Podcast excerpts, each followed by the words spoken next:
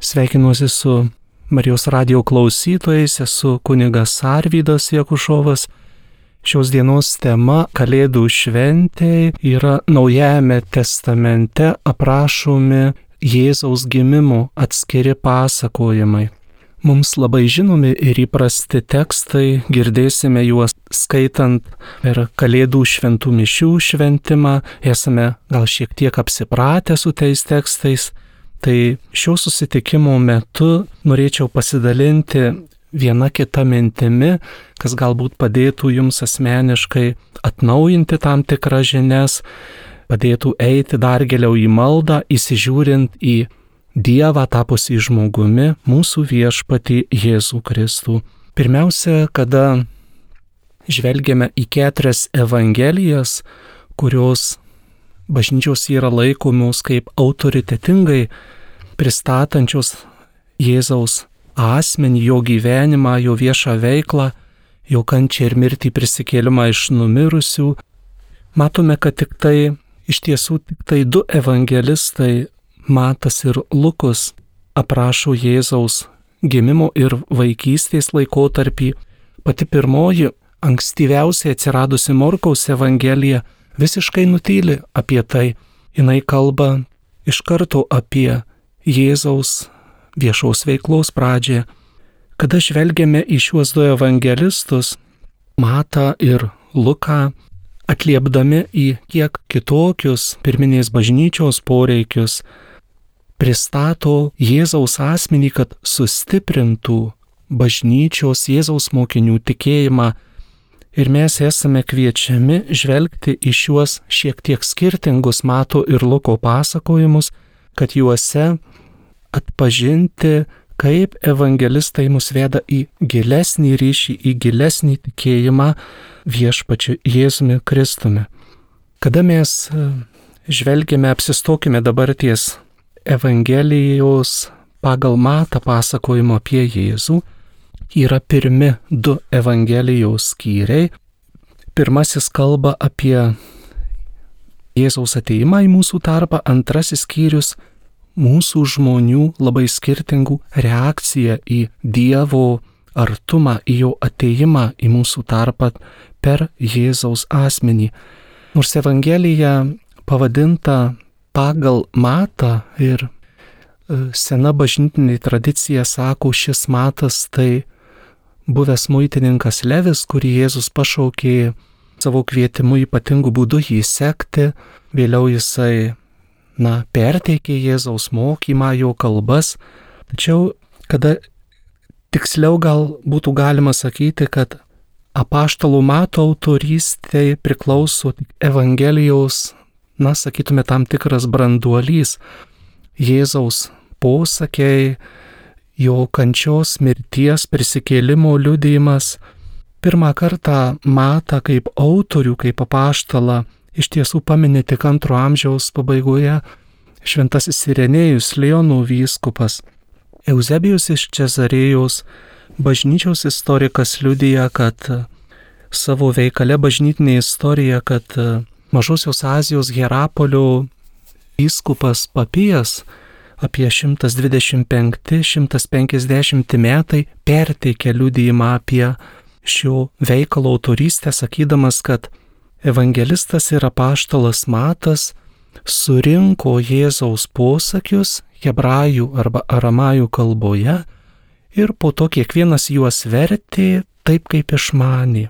Tai iš tiesų, kada mes žvelgiame iš mokslinės pusės kaip į veikalą, matome, kad ši Mato Evangelija remiasi Morkaus Evangelija, patobulina jos tekstą, taip pat remiasi tam tikrais Jėzaus posakiais, tam tikrų šaltinių, tam tikrais tekstais, kurie sutinkami tik pas Mata ir Luką, bet nesutinkami, nėra žinomi ankstesniaus Evangelijos autoriui, evangelistui Morkui. Taigi iš tikrųjų klaustume, kodėl apaštalui Matui reikėjo dar remtis evangelistų Morku, kuris net nebuvo dvylikos apaštalų tarpe. Taigi iš tikrųjų matom, kad Evangelija kaip tokia pavadinta apaštalų mato vardu pagal jį iš tikrųjų siekia jį patį, tačiau yra praturtinta e, vėlesnių kartų, vėlesnių įžvalgų ir priklauso tikrai garbingam tikėjimo liudijimui apie Jėzų. Taigi, pirmiausia, kada žvelgiame apie e, liudijimą apie Jėzų, jo gimimą aprašytą Evangelijoje pagal matą, mes iš karto susidurėme su Jėzaus kilmės knyga. Ir tie vardai iš tikrųjų tam gimė anas, tam gimė tas, trečiam gimė tas, iš tos ir tos moters, mums jie labai mažai kalba ir net mes kunigai, kada skaitome Evangeliją, liturgijos metu esame linkę išleisti šiuos Jėzaus genealogijos kilmės sąrašus, tiesiog gal akcentuodami kitus dalykus. Taigi pati pirmoji eilutė kalba apie Jėzų, apie jo titulą. Labai trumpai yra pasakyta. Mato pirmos skyriaus pirmą eilutę. Jėzaus Kristaus, Dovydo sūnaus, Abraomo sūnaus kilmės knyga. Taigi labai trys svarbus titulai Kristus arba Mesijas pateptasis, tada Dovydo sūnus ir Abraomo sūnus. Ir šiuos tris titulus evangelistas Matas kartu pristato, kalbėdamas apie paslaptingą Jėzaus asmenį ir jo reikšmę. Pirmiausia, kad Jėzus yra Kristus, tai yra Mesijas, Dievo pateptasis žmonijos gelbėtojas, per kurį išsipildo visi Senojo testamento išganimų, išgelbėjimų pažadai. Tada yra, jis yra Dovydo sūnus. Ir vėliau, skaitydami tekste, ypatingai Jėzaus gimimo aprašymą, matome, kad Mato Evangelijoje visa atsakomybė tenka šventajam Juozapui Jėzaus globėjui, kuris yra per protėvių liniją iš Dovydo giminės ir per jį Jėzus yra priskiriamas prie Dovydo palikuonių, Abraomo sūnus. Pirmiausia, vėl ateitie tekstas parodys, kad Jėzus yra aštuntą dieną kaip pirmagimis, kaip berniukas ir apipjaustumas ir atnešamas į Jeruzalės šventyklą išpirkti iš viešpaties, nes Dievui priklauso berniukai pirmagimiai prisimenant, kad tik Dievas yra gyvenimo šaltinis ir Jis yra tas, kuris išvedė Izraelitus iš Egipto, iš vergovės namų. Taigi Jėzus jau šiuo pačia pirmą eilute šiais trim titulais pristatomas kaip iš Dovydo giminės kylantis mesijinis karalius, kuris ir per kurį bus įgyvendinti kažkada senais laikais Abromui duoti pažadai. Dievas surinks visus savo vaikus į vieną, per Jėzų bus palaimintos visos tautos. Ir kada skaitome tą ilgą kilmės vardų sąrašą, randame, kad tris kartus yra pakartojama 14 kartų, 14 kartų, 14 kartų. Skaičius 14 yra užkoduotas karaliaus Dovydo vardas. Trys priebalsės, kurios sudaro Dovydo vardą, jų skaitmeninė vertė yra suma tų priebalsių, jų skaitmeninės vertės lygi 14 būtent. Taigi tris kartus labai iškilmingai pakartojama Dovydas, Dovydas, Dovydas. Reiškia, išgelbėjimų, išganimų pažadų pilnatvė duota per karalių Dovydą kažkada praeitie dabar išsipildo Jėzaus asmenyje. Pat mes matome toje genealogijoje Jėzaus yra paminėtos tarp gausybės vyrų keturios moterys. Trečioje eilutėje Tamara, penktoje eilutėje Rahaba ir Ruta ir šeštoje eilutėje Bačeba. Du momentai. Pirmas tai yra, kad šios moterys kažkuria prasme nėra izraelitės ir jos atstovauja nežydišką, pagonišką pasaulį. O iš kitos pusės, kai skaitome Senąjį testamentą, randame, kad šių moterų socialinė situacija, ypatingai kas liečia taip pat jų vaisingumą, moteriškumą, motiniškumą, yra neįprasta. Tarkim, Rahaba yra buvusi prostitutė, Tamara susilaukė vaiko iš savo uošvių, Rūta yra Moabitė, kuri išteka vien tik todėl, kad Boazas įvykdo svainystės įstatymą, Bačeba, žinome, praranda savo vyrą dėl karaliaus Dovydo geismo jai, jos vyras padaroma, kad žūtų kare, Bačeba pagimdo nesantokinį vaiką, kuris miršta, Antrasis vaikas yra karalius Saliamonas jau būsimas. Taigi klausime, ką evangelistas Matas nori pasakyti, kada išdrįsta pateikti šias keturias moteris tokiam garbingam Jėzaus kilmės knygų sąraše. Kada mes žvelgiame į Mato Evangelijos pabaigą, matome, kad prisikėlęs iš numirusių Jėzus sako apaštalams, eikite į visas tautas, padarykite mano mokiniais visų tautų žmonės Tad atrodo ties panašu, kad čia veikiau kalba eina apie nežydišką, tai yra pagonišką elementą. Mes sakytume jau iš anksto Evangelijos pradžioje, bet dar labiau jos pabaigoje akcentuojama, kad štai bažnyčia, kuri tęsia Jėzaus išgelbėjimų, išganimų darbą, kad jos misija yra ne tik tai atstatyti, atkurti Izraelį, bet taip pat eiti su išganimu, išgelbėjimu misija į pagonių tautas, į visą pasaulį su gerąją žinia, su Evangelija. Evangelistas Matas, kada aprašo Jėzaus gimimą ir vardo e, davimą, tai yra Mato pirmas skyrius 18-25 eilutė, kartu su evangelistu Luku pamini tam tikrus dalykus, dėl kurių abu sutinka. Tai yra, kad angelas apreiškia Jėzaus gimimą, angelas nurodo, koks vardas, Jėzaus gimimas yra mergaitiškas, jis yra pradedamas iš šventosios dvasios.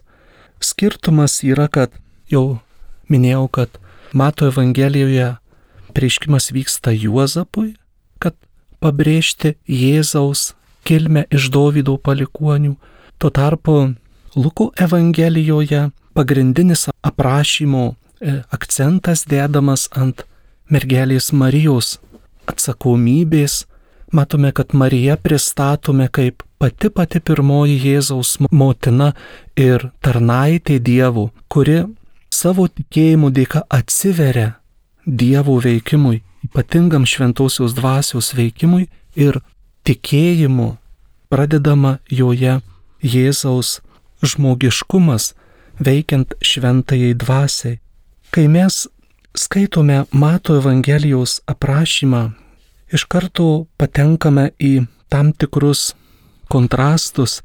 Iš vienos pusės matome Marijos sužadėtin Juozapą, kuris yra teisus, tai yra tikrai vykdo visus Mozės įstatymų reikalavimus, iš kitos pusės matome, kad esant jiems susižadėjus, bet dar nepradėjus gyventi kartu, šventosios dvasios veikimų dėka Marija tampa neiščia. Ir štai Juozapas būdamas teisus, ką jisai turi daryti. Ir sekant pakartoto įstatymo, Mozės įstatymo nuostatomis tokiu atveju, kurias galima rasti pakartoto įstatymo knygų 22 skyriuje.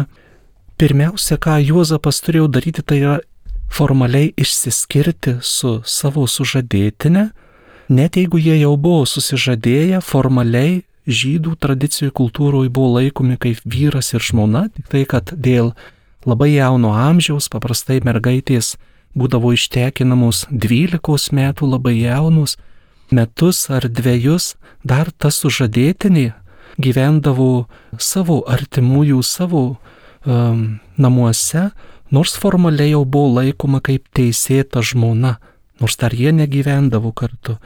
Taigi Juozapas turėjo pirmas žingsnis formaliai išsiskirti su ją, antras įrodžius patį faktą, kad vaikelis, kurio laukėsi Marija, nėra jo, Marijos iš tikrųjų laukia jai grėsė užmėtymas akmenimis. Kai mes matome, kaip evangelistas Matas aprašo Jėzaus gimimą, randame, kad remiamasi pranašo Izaijo knygos karaliui Ahazui 8 amžiaus pirmoje pusėje duota pranašystė, kad štai mergelė pradės ir pagimdys sūnų, kuriam duosi vardą Jėzus. Jeigu senais laikais ši pranašystė buvo taikoma galbūt vienai iš karaliaus Ahazų žmonų ir kuri pagimdė karalių Hezekiją, tai štai Matas pristato tą pranašystę kaip išsipildžiusią Jėzaus asmenyje. Labai įdomu, kad kada buvo daromas vertimas iš hebrajų į graikų kalbą, kad štai ne be Dievo veikimų, nebe šventosios dvasios veikimų. Vertėjai, kada vertė hebrajišką tekstą, turėjo išversti jauna moteris, tačiau išvertė į graikų kalbą mergelį. Ir mes sakom, tai ir yra ta pilnesnioji švento rašto pranašyščių prasme, kada Dievas įkvepia atskirus pranašus, atskirus teisiuosius ir jie pasako Dievo valią daug daugiau negu suvokia. Tai yra, jų žinioje yra tas atvirumas gilesniai prasmei, kuri išaiškėja tik tai su laiku.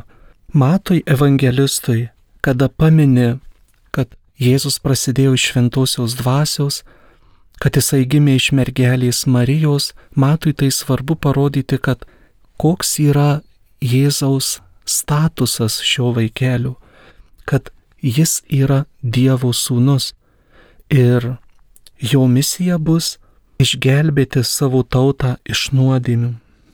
Mato Evangelijoje, pirmos kiriaus 25 eilutėje, kuria užbaigiama aprašymas apie Jėzaus gimimą, sakoma, jam, tai yra Juozapui, negyvenus su ja, tai yra su Marija kaip vyrui, ji pagimdė sūnų, kurį jis pavadino Jėzumi. Štai šis vertimas, negyvenus jie kaip vyrui, nieko nepasako apie tai, kas buvo po to.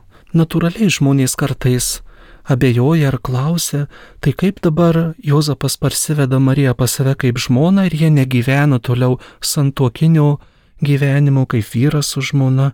Ir tada kiti sako, žiūrėkite dar, Evangelijos irgi mini, kad Jėzaus broliai ir seserys kažkuriuo metu atsiranda prašymuose. Tai negi tikrai Marija daugiau e, neturėjo vaikų, tie klausimai kyla savaime natūraliai. Iš tikrųjų, kai skaitome vien tik šventą raštą, tik tradicija padeda mums e, suprasti, kaip yra bažnyčia visada laikė ir laiko, kad Marija visada buvo ir išliko mergelė. Ir kas galėjo būti tie Jėzaus broliai ir seserys? Vienas aiškinimas, kuris tikrai labai pagrystas, žydų kultūroje tai galėjo būti tiesiog suprantama kaip platesnės giminės, pusbroliai, pusseserės, tolimesni giminaičiai. Tačiau kita tradicija dar sako, e, labai galima tiesiog, kad Juozapas tai buvo jo e, vaikai iš pirmosios santokos, mes apie tai nežinome, bet kaip galimybė, kodėlgi ne, prieštarauja tam, kai sakoma, kad Juozapas buvo teisus. Tai yra, ir kada skaitome aprašymus apie Juozapą, matome, kad tiesiog e, labai nedaug apie jį yra, yra paminėta ir Juozapas tiesiog dinksta iš aprašymų ir mes natūraliai sakome, galbūt buvo jau senyvo amžiaus ir tiesiog, tiesiog buvo jau numiręs, kai Jėzus pradeda savo viešą veiklą. Mes nežinome tų, tų visų niuansų detalių, tačiau tikrai šis suvokimas padeda priimti ir tikėti, kad ypatinga ne tik Jėzaus pozicija, jo statusu, bet ir švenčiausios mergelės Marijos Marija išlieka mergelė, nepaliesta e, jokios nuodėmės, patingas dievų įrankis išganimo plane. Kai skaitome toliau Mato Evangelijoje apie tai, kaip reaguoja aplinka žmonės Jėzaus gimimą, antrus kiriaus pirmoje eilutėje randame labai trumpą užuominą, kad štai Jėzui gimus judėjus Betlėjoje, karaliaus erodo dienomis. Karalius erodas valdo 37-ieji ketvirti metai prieš mūsų erą ir ši užuomina nėra tik tai istorinė paprasta kokia nuoroda, bet jinai atskleidžia tą klimatą, kuriame gimsta Jėzus, kuriame e, šis karalius yra nepaprastai žiaurus, įtarus, sergantis tikriausia paranoja, kadangi visos Senų testamento pranašystės kalbėjo apie tikrą Dovydo karalių iš jo palikonių. Tuo tarpu Erodas yra net ne izraelitas, yra iškilęs iš Idumėjos, jis yra Romos imperinės valdžios statytinis karalius ir niekada neužsitarnavo žydų religinių vadovų pasitikėjimo, pagarbos, nežiūrint, kad tikrai jo valdymo metu Izraelis sustiprėja ir Erodas karalius vykdo daug statybų, e, sustiprina šalį, tačiau kaina, kuri yra mokama, yra per daug didelė. Ir štai, kai atkeliauja trys išminčiai iš rytų šalies, ir manoma, kad tai iš e, Persijos e, rytų, kitokios rytų religijos kaip išsilavinę labai žmonės, gal net dvasininkai, e, kurie tikrai turėjo išmanyti astronomijos arba tuo metu astrologijos, dangaus šviesulių judėjimą, nes jie pastebi naują sužibusią žvaigždę ir pagal se, labai senovišką supratimą tuo metu naujo žvaigždės sužibimas, apie kurią aprašo matas, reiškia, kad gimė naujas karalius ir jį globojanti dievybė aukštybėse duoda ženklą. Taigi ta žvaigždė, kuris sužibo danguje ir išminčiai ją atpažino, jie turėjo žinoti ir senuosius žydų tikėjimo raštus, kadangi skaičių knygoje Senajame testamente vienas iš pagonių pranašų pakviestas prakeikti izraelitus, vis dėlto Dievui veikiant juos palaimina. Ir tas pranašas Biliamas sako, žvaigždė patekės iš Jokūbo. Taigi gims izraelitų tautoje karalius, mesijas, išgelbėtojas. Kada bandoma atsekti, kurie tai galėjo būti metai, kas tai galėjo, kokie reiškiniai būti dangaus fone, Manoma, kad 6-7 metai prieš Kristų danguje į Žemę žiūrint turėjo vykti Veneros ir Saturno planetų persidengimas konsteliacija.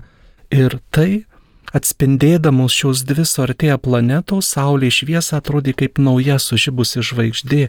Kita nuoroida yra, kad Jėzus būtent tais šeštais metais prieš mūsų erą pagal tikslesnius istorinius apskaičiavimus gimsta. Taigi daug ženklų, kurios, kurie rodo į tai, kaip Dievas prisitaiko prie žmogiškos tikrovės ir ateina į mūsų tarpą. Taigi, kai tie rytų išminčiai, išsilavinę žmonės, kaip tam tikri diplomatijos atstovai, diplomatai, pasiuntiniai apsilanko Jeruzalėje ir ieško naujai užgimusio karališko sūnaus, karalius Erodas tiesiog apstulpsta. Ir skaitydami matome, kaip dievišką vaizdą toliau globoja ir išminčius, ir patį dievišką vaikelį, kurį Erodas siekia sunaikinti. Mes tradiciškai manome, kad buvo trys išminčiai nors e, švento rašto aprašymas apie tai nekalba apie jų skaičių, kadangi atnešė tris dovanas - auksą, smilkalus ir mirą. Galėjo jų būti ir daugiau. Žiūrime, kokios buvo tos dovanos - auksas, smilkalai, mira. Tai yra nuoroda į tiek į 72 psalmę, kur sakoma, kad šebus ir sabus karaliai ten neša jam dovanas, tegul visi žemės karaliai parpuolė žemėn jį pagarbina ir taip pat Izaijo knygoje 60 skyriuje kalbama, kad štai atvyks visi iš šebos atneždami auksą ir smilkalus. Tai tos dovanos jau pačios kaip tokios nurodo, kad štai šis vaikelis yra mesinis karalius. Grėsint pavojui, Juozapas su Marija pasitraukė ir vaikeliu į Egiptą ir vėl, kada gauna angelo prieiškimą, grįžta į savo kraštą ir tokiu būdu išsipildo pranašo Ozėjo pranašystė. 11 skyriui pirmoje eilutėje pranašas sako, iš Egipto pašaukiau savo sūnų. Tai yra tai, kas anksčiau buvo visa Izraelio tauta, štai evangelistas Matas pritaiko tą pranašystę Jėzaus asmeniui.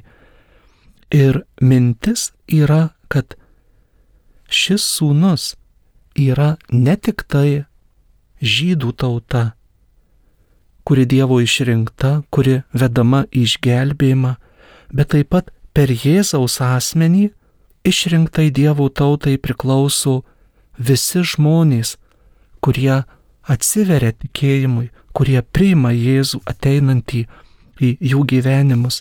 Taigi matome, kad Dievo mintis, Dievo planai yra daug didesni negu tik tai mūsų kartais turimas ribotas, kad ir religinis supratimas.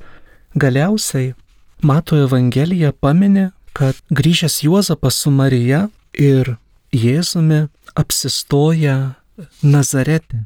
Ir šis aprašymas užbaigiamas trumpu sakiniu. Jį, tai yra Jėzų, vadins Nazarėnu. Tačiau iš tikrųjų, kai mes žvelgiame į Seną testamentą, nerandame ne vienos e, ištraukos arba citatos, kur tai būtų minima, nors evangelistas sako, kad išsipildytų pranašų žodžiai.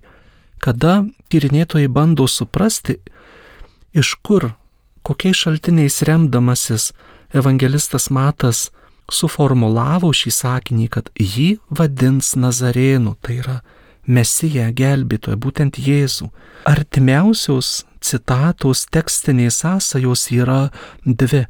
Izaijo knygoje ketvirtas skyrius trečia eilutė, kur sakoma, kad visi, kurie įrašyti gyventi Jeruzalėje, bus vadinami šventaisiais. Ir Teisėjų knygoje 13 skyrius 7 eilutė, kur sakoma, kalbama apie ypatingų būdų berniuką pašvestą Dievui, tai yra šventą, ypatingą ir sakoma, jis bus naziras Dievui, pašvestasis. Taigi visi, kurie tikėjimu priima Jėzų, tampa Dievui pašvesti, Dievui brangus ir šventi.